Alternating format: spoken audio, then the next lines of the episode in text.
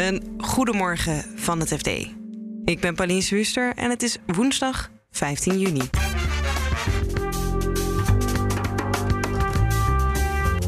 Om woningen betaalbaar te houden, verkoopt een woningcorporatie ze zo'n halve ton onder de marktprijs. Dit zijn woningen van 50 vierkante meter en de markt heeft daar gewoon nu tegen de 4 ton voor over. De krapte op de arbeidsmarkt zorgt ervoor dat kleine ondernemers hun bedrijf verkopen. Dus we zijn toen gewoon wat ondernemers uh, langs gaan bellen. En daarin, nou ja, in, eigenlijk in al die gesprekken, of in bijna al die gesprekken, kwam naar voren dat personeelskrapte een hele belangrijke drijfveer was bij de verkoop van hun bedrijf. En vandaag wordt er in Den Haag gedebatteerd over de voorjaarsnota. En daar gaat één woord steeds weer terugkomen. Uh, dat is het woord inflatie. Dat zal uh, van, van de vroege ochtend tot de late avond vallen. Dit is de dagkoers van het FD. Het kabinet wil dat er de komende jaren bijna 1 miljoen huizen gebouwd worden en twee derde daarvan moet betaalbaar zijn. Dat betekent onder de NHG-grens van 355.000 euro.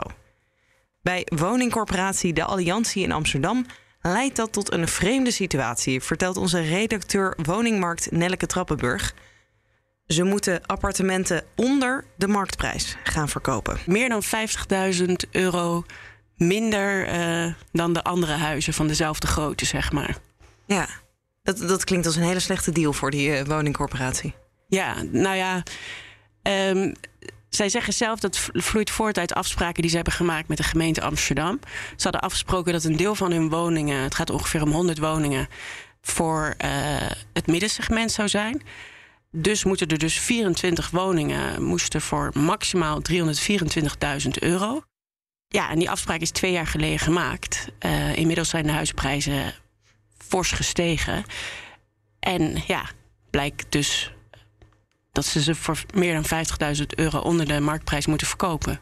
En is het dan ook zo dat iemand uh, gewoon heel slim die woning op kan kopen en hem dan uh, wel voor de marktprijs uh, door kan verkopen? Ja, dat zou je verwachten in de zin van dan heb je snel 50.000 euro verdiend. Maar daar hebben ze wel iets voor bedacht. Um, ze hebben er een anti-speculatiebeding op gezet. Ja. Dus als je de woning meteen verkoopt, moet je meteen dat bedrag van 50.000 euro terugbetalen aan de alliantie. Als je hem na vijf jaar verkoopt, uit mijn hoofd nog 25.000. En pas na 10 jaar vervalt die um, boete, zeg maar, als je het zou verkopen. Ja, en waar zit het hem nu vooral in dat het zo lastig is om een betaalbare koopwoning te bouwen? In dit voorbeeld bij de Alliantie ook gewoon in wat, uh, wat de markt ervoor over heeft. Um, dit zijn woningen van 50 vierkante meter. En de markt heeft daar gewoon nu tegen de 4 ton voor over.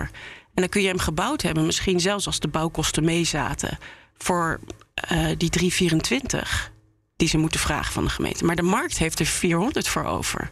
Dus je betaalt dan gewoon, ja, je verkoopt hem toch uiteindelijk onder de marktprijs. Dit voorbeeld zegt dat dan iets over um, dat het überhaupt heel lastig gaat worden om betaalbare koopwoningen te bouwen? Of is dit gewoon een heel specifiek voorbeeld?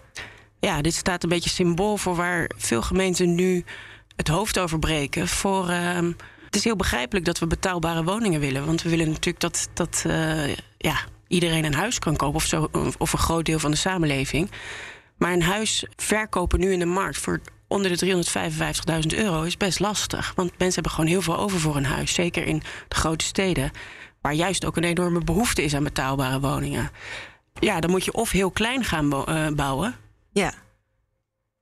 Of ja, je ziet dus dat ze dus ook steeds creatiever worden. Dat er allerlei constructies komen, zoals dat de erfpacht, erfpachtconstructies, dat de mm -hmm. erfpacht. De, de grond zeg maar apart wordt gedaan van de stenen. Dat je alleen maar het, uh, ja, de stenen koopt. En dat ja. uh, de erfpacht dan bijvoorbeeld bij de gemeente blijft. Dan is het huis goedkoper. Maar uh, die constructies en die creatieve oplossingen, zorgen die er dan niet ook alsnog voor dat de prijzen zo hoog blijven? Ja, dat zeggen dan uh, uh, dat zeggen ook verschillende experts. Die zeggen ja, normaal als mensen op een gegeven moment een huis niet meer kunnen betalen, dan en, en huizen worden niet meer verkocht, dan gaan de prijzen weer dalen. Maar als je ze maar op dit soort, met al dit soort kunstgrepen in staat houdt om die huizen te kopen, dan blijven die prijzen hoog. Als ik jou zo alles bij elkaar hoor, dan wordt het wel een lastige opgave voor onze woonminister om te zorgen dat we die twee derde gaan halen. Ja, dat kan wel eens lastig gaan worden. Zeker in de grote steden, waar de vierkante meterprijs gewoon heel hoog is op dit moment. En dan gaan we naar de krapte op de arbeidsmarkt. Het personeelstekort zorgt er nu voor dat kleine bedrijven niet meer kunnen groeien en dat ondernemers hun tent in de verkoop doen. Kopers, die staan in de rij. En het gaat om allerlei bedrijven, vertelt collega Frits Konijn. Nou, wat we tot nu toe tegen zijn gekomen, dat was eigenlijk ook wel bij verrassing. Is het een, heel breed scala aan uh, bedrijven. Er zaten restaurants tussen, er zat een uh, milieuadviesbureau tussen, er zat een online marketingbureau tussen. Uh, er zat een installatie, de technische afdeling van een installatiebedrijf tussen. Ja, ik kan er weinig lijnen in ontdekken, eerlijk gezegd. Ja, en je zei, we kwamen er een beetje bij verrassing uh, achter. Hoe, hoe, ging dat dan? We hadden eerder een artikel geschreven over bedrijfsverkopen. Daar wilden we eigenlijk wat praktijkvoorbeelden bij halen. Ondernemers van vlees en bloed uh, aan het woord laten. Anders blijft het zo theoretisch, weet je. Dan praat je met overnameplatforms, praat je met hoogleraren. En die hebben allemaal natuurlijk wel een verklaring. Maar uiteindelijk gaat het om de ondernemer zelf. Waarom wilde uh, jij je bedrijf verkopen? Precies. Ja. Dus we zijn toen gewoon wat ondernemers uh, langs gaan bellen. En daarin, nou ja, in, eigenlijk in al die gesprekken, of in bijna al die gesprekken, kwam naar voren dat personeelskracht uh, een hele belangrijke drijfveer was bij de verkoop van hun bedrijf. Ja, en dan neem ik aan dat het voornamelijk kleinere ondernemers zijn die dus misschien ook lastiger aan personeel komen. Ja, de theorie luidt als volgt. Uh, van hoe, hoe, kleiner het bedrijf, des te moeilijker aan personeel. Je kunt hem ook omdraaien. Hoe groter het bedrijf, des te makkelijker aan personeel uh, te komen is. En dat zit er maar dan in dat in een groter bedrijf zijn er meer doorstroommogelijkheden. In het jargon noemen ze dat de grotere bedrijven hebben een interne arbeidsmarkt. En dan, ja, ja, dan kun je dus doorstromen naar boven. Je kunt dus een stapje opzij doen als je uh, ja. genoeg hebt van je huidige activiteiten. Dus daar is veel meer flexibiliteit nodig. En daar schijnen jongeren schijnen daar gek op te zijn. En waarom vinden kopers dit zo aantrekkelijk om die bedrijven te kopen? Want je zou denken, als dit bedrijf uh, geen personeel kan vinden, waarom zou ik het dan kopen? Nou ja, daar geldt natuurlijk eigenlijk hetzelfde voor. Een, een, een, grotere organisatie, als die een kleinere koopt, wordt die groter. En daarmee verbetert hij zijn concurrentiepositie op de arbeidsmarkt. Het is tegenwoordig, dat hoorde ik van uh, een van de, de geïnterviewden. Het is niet meer klant, uh, de klant centraal, maar het is tegenwoordig medewerker centraal. En hoe groter de organisatie, des te groter de draagkracht van zo'n organisatie. Des te meer je ook aan personeelsbeleid kan doen. Cursussen, uh, opleidingen, uh, leuke dagjes uit. weet je, allemaal van dat soort activiteiten kun je dan gaan ondernemen. En tot slot gaan we naar Den Haag. Want vandaag wordt er gedebatteerd over de voorjaarsnota. Onze Haagse verslaggever Cor de Hoorde is vooral gefocust op de oppositie. De linkse oppositie zal komen met het minimumloon zeer fors omhoog. Veel verder dan de coalitie al wil. Met een gekoppelde AOW. Ja, dat gaat gewoon tientallen miljarden kosten. Gewoon veel meer dan 20 miljard. Eh, en meteen hele grote stappen met uh, vermogensongelijkheid aanpakken. Het kan ook over rechts. Het grote voordeel van Ja21 is, die willen niet meer geld. En die willen juist minder geld uitgeven. Dat, dat, klinkt ideaal, alleen ja, dan moet meteen het hele beleid om. Want die willen bijvoorbeeld dan uh, minder geld naar stikstof, minder geld naar klimaat. En dat is dan net, uh, dat zijn de, de kroonjuwelen van D66 en in iets mindere mate de ChristenUnie in, uh, in deze coalitie. Dus die zullen ze ook niet zomaar willen weggeven.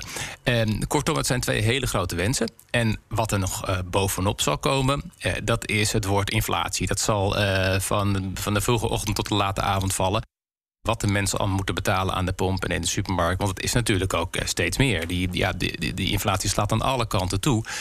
Uh, mensen voelen dat in de portemonnee. En, ja, de, uh, en, en, die, en, de leden die bellen met hun, uh, hun Kamerleden. Dus ja, die, die voelen zich echt geroepen om hier, wat, om hier een nummer van te maken. Ja, en eigenlijk wilde de coalitie niet verder compenseren, toch? Heb je het idee dat dat toch misschien in het vat zit? Om... ik denk dat ze dat heel lang zullen volhouden om dat niet te doen. omdat het gewoon heel erg duur is. En een ander probleem is, hoe ga je dat dan doen? Bijvoorbeeld als je de benzineaccijns uh, verlaagt, dan, heeft dat, hebben de mensen met een benzineslurper hebben daar meer baat bij dan mensen met een heel klein boodschappenautootje als enige auto. dat zou je dus eigenlijk andersom willen. Alleen, ja, dat, dat is gewoon niet zo gemakkelijk te regelen. Maar ja, hier komt dus een, een, een basisprobleem. Of je doet het heel erg uh, precies en secuur. Alleen dan wordt de regeling heel erg ingewikkeld. En dan, uh, dan ligt het woord toeslagenaffaire uh, ligt dan om de hoek. want ja, dat betekent dus dat er fouten kunnen worden gemaakt. Of je doet het heel grofmazig. Dan kan je, het voorlicht kan het heel snel. Maar ja, dan komt het geld voor een groot deel op een plek terecht waar je het helemaal niet wilt. Alleen al door die, door die moeilijkheid hoe je het moet laten landen, zullen ze het tot lang uh, willen uitstellen. Tegelijkertijd, die druk is enorm. Uh, dus ik vermoed dat ze uh, zo in augustus, als de nieuwe CPB-cijfers er zijn... en in de voorbereiding van Prinsjesdag... dat ze dan nogmaals naar die koopkrachtplaatjes zullen kijken... en een list gaan bedenken. Ja. Betekent dat dan ook dat we eigenlijk vandaag niet heel veel tegemoetkomingen van, het van de coalitie moeten verwachten? Omdat ze inderdaad pas tegen augustus, Prinsjesdag, hoeven te beslissen wat ze gaan doen? Ik denk niet dat ze morgen al uh, nader tot elkaar gekomen zijn. Dit is echt het moment om te laten zien waar staat iedereen. Uh, en het zal de coalitie zeggen: dit is ons pakket, het is al zeer royaal en ruimhartig. Uh, doe het er maar mee. En, dus, en, ja, en, en de verschillende partijen zullen hun eigen kleuren geven van hoe het echt helemaal anders moet, omdat het anders niet rechtvaardig is. En, um, ja, en, en ik denk dat dat het voorlopig zal zijn. En dat gaat urenlang duren. Maar tussen de regels door zal er wel vermoedelijk het een en ander gezegd worden.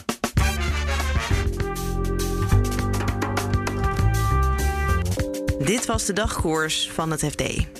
Morgenochtend zijn we er weer met een nieuwe aflevering. Die vind je elke werkdag in je favoriete podcast-app. En ondertussen blijf je op fd.nl op de hoogte van het laatste financieel-economisch nieuws. Voor nu een hele fijne dag en tot morgen.